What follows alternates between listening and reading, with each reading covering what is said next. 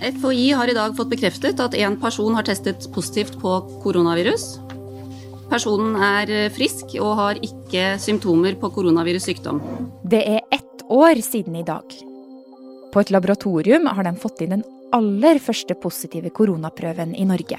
Analyser av prøven utført i dag viser et svakt positivt resultat, mens et tidligere analyse var negativt. For første gang er det nye koronaviruset påvist i Norge. Helseministeren han oppfordra til eh, håndhygiene og det å huske på å hoste riktig.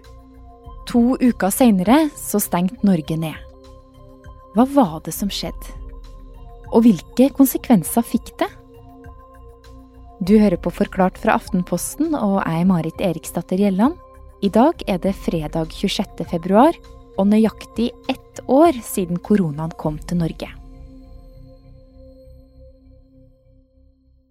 Når vi nå i dag går ja, et år tilbake i tid og ser hvordan situasjonen var da, så er det jo forbløffende å se hvor dårlig forberedt vi som samfunn var på det som skjedde, og hvor feil både helsemyndighetene, regjeringen, ekspertene og kanskje vi også selv tok. Mm. Du Per Anders Johansen, eh, du er jo journalist her i Aftenposten og har jobba masse med korona det her året. Men hvis du husker fra ditt eget liv da for ja, litt over et års tid siden, hvordan husker du starten av det her?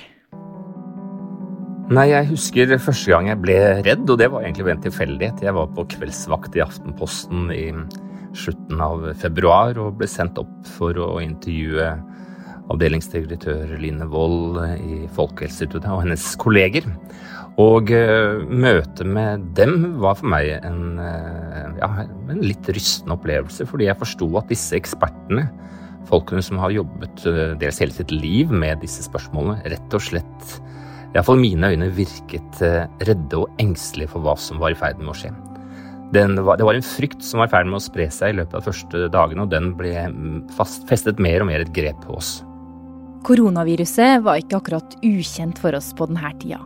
Allerede var det kommet nyheter om at én nordmann lå på sykehus i Italia, og i flere uker så hadde vi hørt historier og sett urovekkende nyheter fra utlandet. Mange snakker om det fryktede koronaviruset som tar liv i Kina. Folkehelseinstituttet her hjemme mener folk må være forberedt på at det kommer til Norge også, men de mener nordmenn ikke skal være spesielt bekymret. Ser vi på regjeringens arkiver, så sto jo saken ganske lavt på dagsorden. Det viktigste mm, Erna Solberg og regjeringen gjorde, var å overføre alle fullmakter til helsedirektør Bjørn Gullvåg. Og leser vi f.eks. FHIs risikovurdering 25.2, så er den svært tankevekkende. Da sa jo FHI at de mente at det var høy sannsynlighet for at viruset ville komme til Norge, men konsekvensene ville bli moderate. Og karantene for eksempel, av nærkontakter ble ansett som uh, av liten nytte. Innreisekarantene ble beskrevet som meningsløst. Og man anbefalte at man, folk flest bare skulle være særlig overvåkne. Og dagen etter for akkurat et år siden så ble altså det første koronatilfellet her i landet oppdaga. Du har daglig kontakt med den smittede kvinnen her i Tromsø. Hvordan har hun det nå? Hun er nok sikkert litt eh, overraska over oppstyret som kommer nå, men, men, har det ellers veldig bra. Hun er i fin form, har vært der hele tida lider vel kanskje mest av kjedsomhet, eh, vil jeg tro. Vi regner det som eh, moderat sannsynlig at vi vil få i Norge òg en situasjon eh, med mange smitta, og det er det vi forbereder oss på nå. Og samtidig så begynte smitten å spre seg. For det første, fram til onsdag 4. mars så var det omtrent bare 1300-1400 personer i Norge som ble testet. Folk som ble syke og som kom tilbake fra utlandet, de fikk ikke lov til å teste seg selv om de både hostet og hadde feber eller sterke symptomer. Man måtte være definert som et mistenkt sykdomstilfelle. Og det førte jo da til at smitten fikk, eh, fikk spre seg. De neste dagene kom jo det ene smittetilfellet etter det andre. Hundrevis av smittede kom reisende til Norge, særlig fra vinterferie i Alpene. I kveld bekreftet Folkehelseinstituttet at ytterligere tre personer er smittet av koronaviruset. Dermed er i alt fire personer i landet smittet. Det er snakk om folk som har tatt med seg smitten fra Italia og Iran. Det kom 17% av koronasmitten i Norge fra Østerrike. Alpinmekka Ischgl med kallenavnet Alpenes Ibiza ble pekt ut som smitteversting. Jeg var jo i Østerrike, og det var jo det som var eh, selve episenteret i, den, eh, i vinterferien. Så det var jo litt merkelig å tenke på at man, man var der, da. En av dem som kom reisende fra vinterferie i Alpene, var Alexander Nordahl. Han ble også en av dem som fikk påvist korona helt i starten.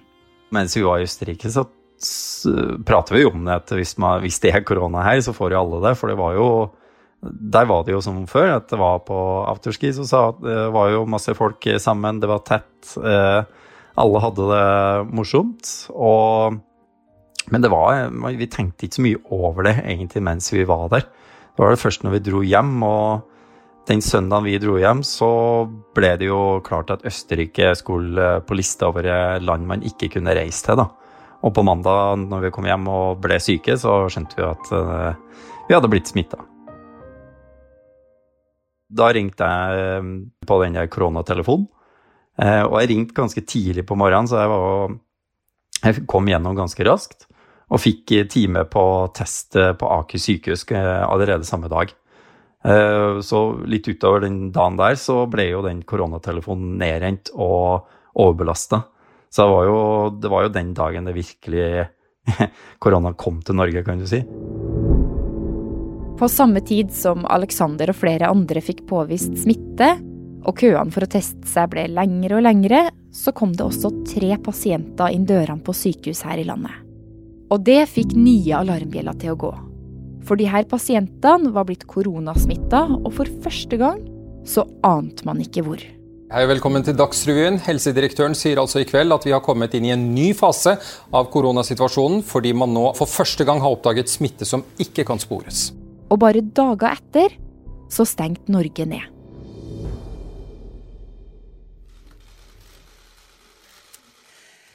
Kjære alle sammen.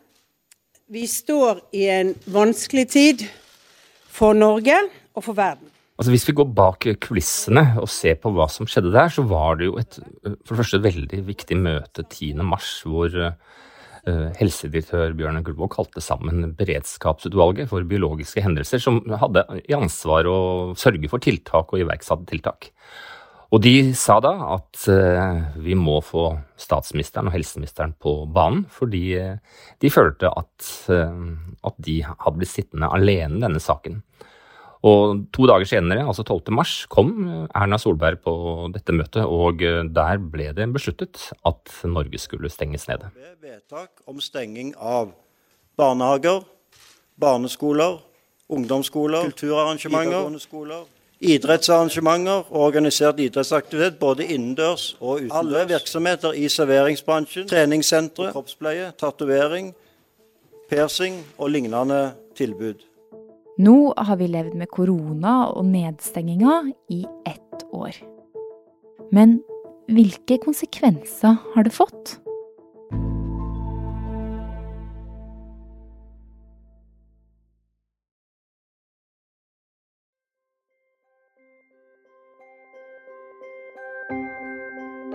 I denne dugnaden så er det jo noen som har tatt et eh, mye tøffere løft enn andre. og vi vet eh, ganske mye i dag om at eh, pandemien og smitteverntiltakene har rammet eh, noen grupper klart hardere.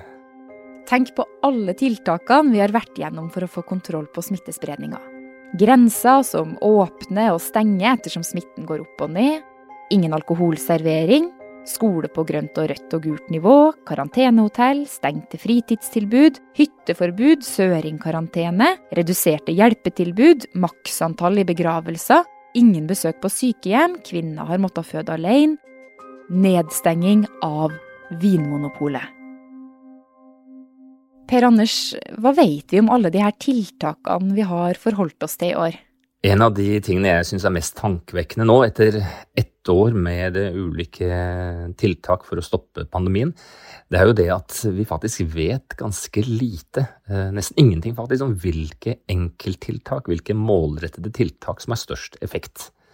Vi vet at summen av tiltakene har hjulpet. Det at vi alle har holdt oss vekk fra andre mennesker, at vi ikke har dratt på jobben, at vi har gått rundt med munnbind og osv., eller at, at, det har vært forbudt å drikke alkohol. Du vet at summen av disse tiltakene har hatt en effekt.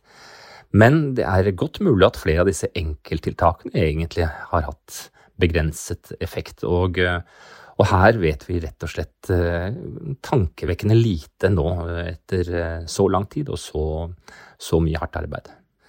Det er flere eksempler på tiltak som sikkert vil bli diskutert effekten av. Vi vet jo f.eks. at i Oslo så var det relativt få eksempler på at folk ble smittet på Um, på utesteder eller på kafeer og barer før det ble forbudt å selge alkohol. Vi har funnet veldig få eksempler på at folk har blitt smittet i kollektivtransporten, og det er også ganske få smittetilfeller eh, fra idrett. Og all denne usikkerheten rundt hvilke tiltak som funker og ikke, har etter hvert ført til en del debatt. Av de tiltakene som kanskje har skapt mest diskusjon dette året, så er det jo klart at hytterforbudet, eh, som ble innført i i mars, det vakte sterke reaksjoner og utfordret uh, uh, manges opplevelse av hva som var effektivt.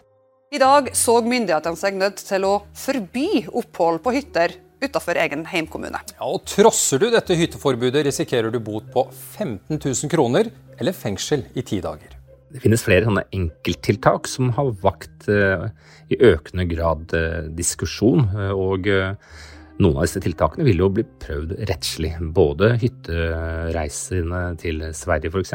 De har jo en sak som allerede har vært i retten. Og mange små restauranteiere og bareiere har også saker som de vil ha vurdert rettslig. Hvor de rett og slett stiller spørsmål ved om det som har skjedd dette siste året, rett og slett har vært eh, lovlig.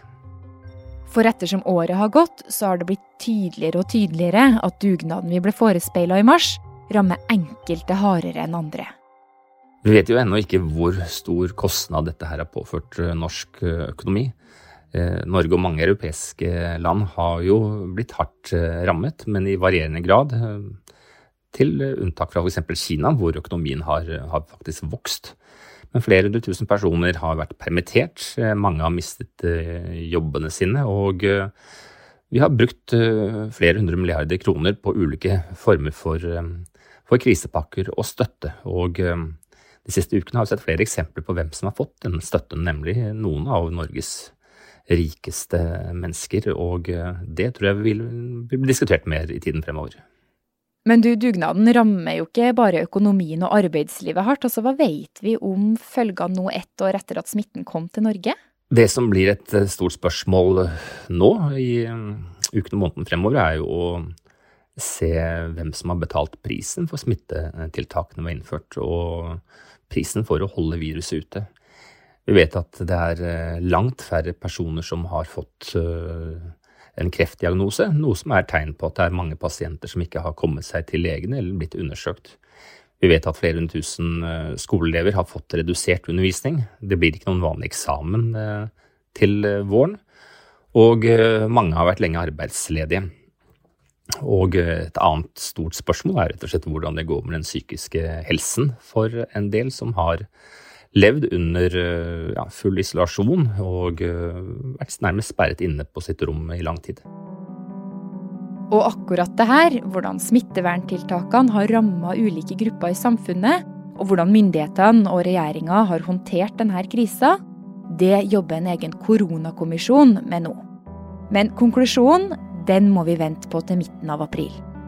Samtidig så er vi inne i en veldig kritisk tid, med vaksinering, men også mutantvirus. Faktisk så anslår Folkehelseinstituttet at 20-30% av alle koronatilfellene nå er med mutantsmitte. Et stort spørsmål nå er jo om vi ser lys i enden av tunnelen takket være vaksiner og strenge tiltak, eller om vi er på Eh, på kanten av en eh, ny, stor bølge. Det vil vi få svar på i løpet av de neste få ukene. Og for deg da, Aleksander, det er jo nå straks ett år siden du ble smitta med korona i Østerrike. Hva sitter du igjen med etter det året? Man skjønner jo at verden blir jo ikke helt det samme etter, etter koronaen. Er jo, man er jo blitt obs på at uh, man kan bli ramma av sånne virusutbrudd. da. Uh, vi vet jo ikke når neste ting kommer, hva det innebærer. Om, eh, så man eh, blir jo mer reflektert på at hva man gjør. F.eks. sånn som med å desinfisere hendene, eller sånn å sprite hendene før man går inn på en butikk. Det tror jeg nok kommer til å henge igjen fremover. Det tror jeg nok blir en sånn der normal ting som vi kommer til å gjøre. Eh, jeg tror nok vi kommer til å droppe munnbind. Eh, det er nok kanskje noen som kommer til å bruke det, men for min egen del så gleder jeg meg, ser jeg veldig fram til å droppe munnbindet.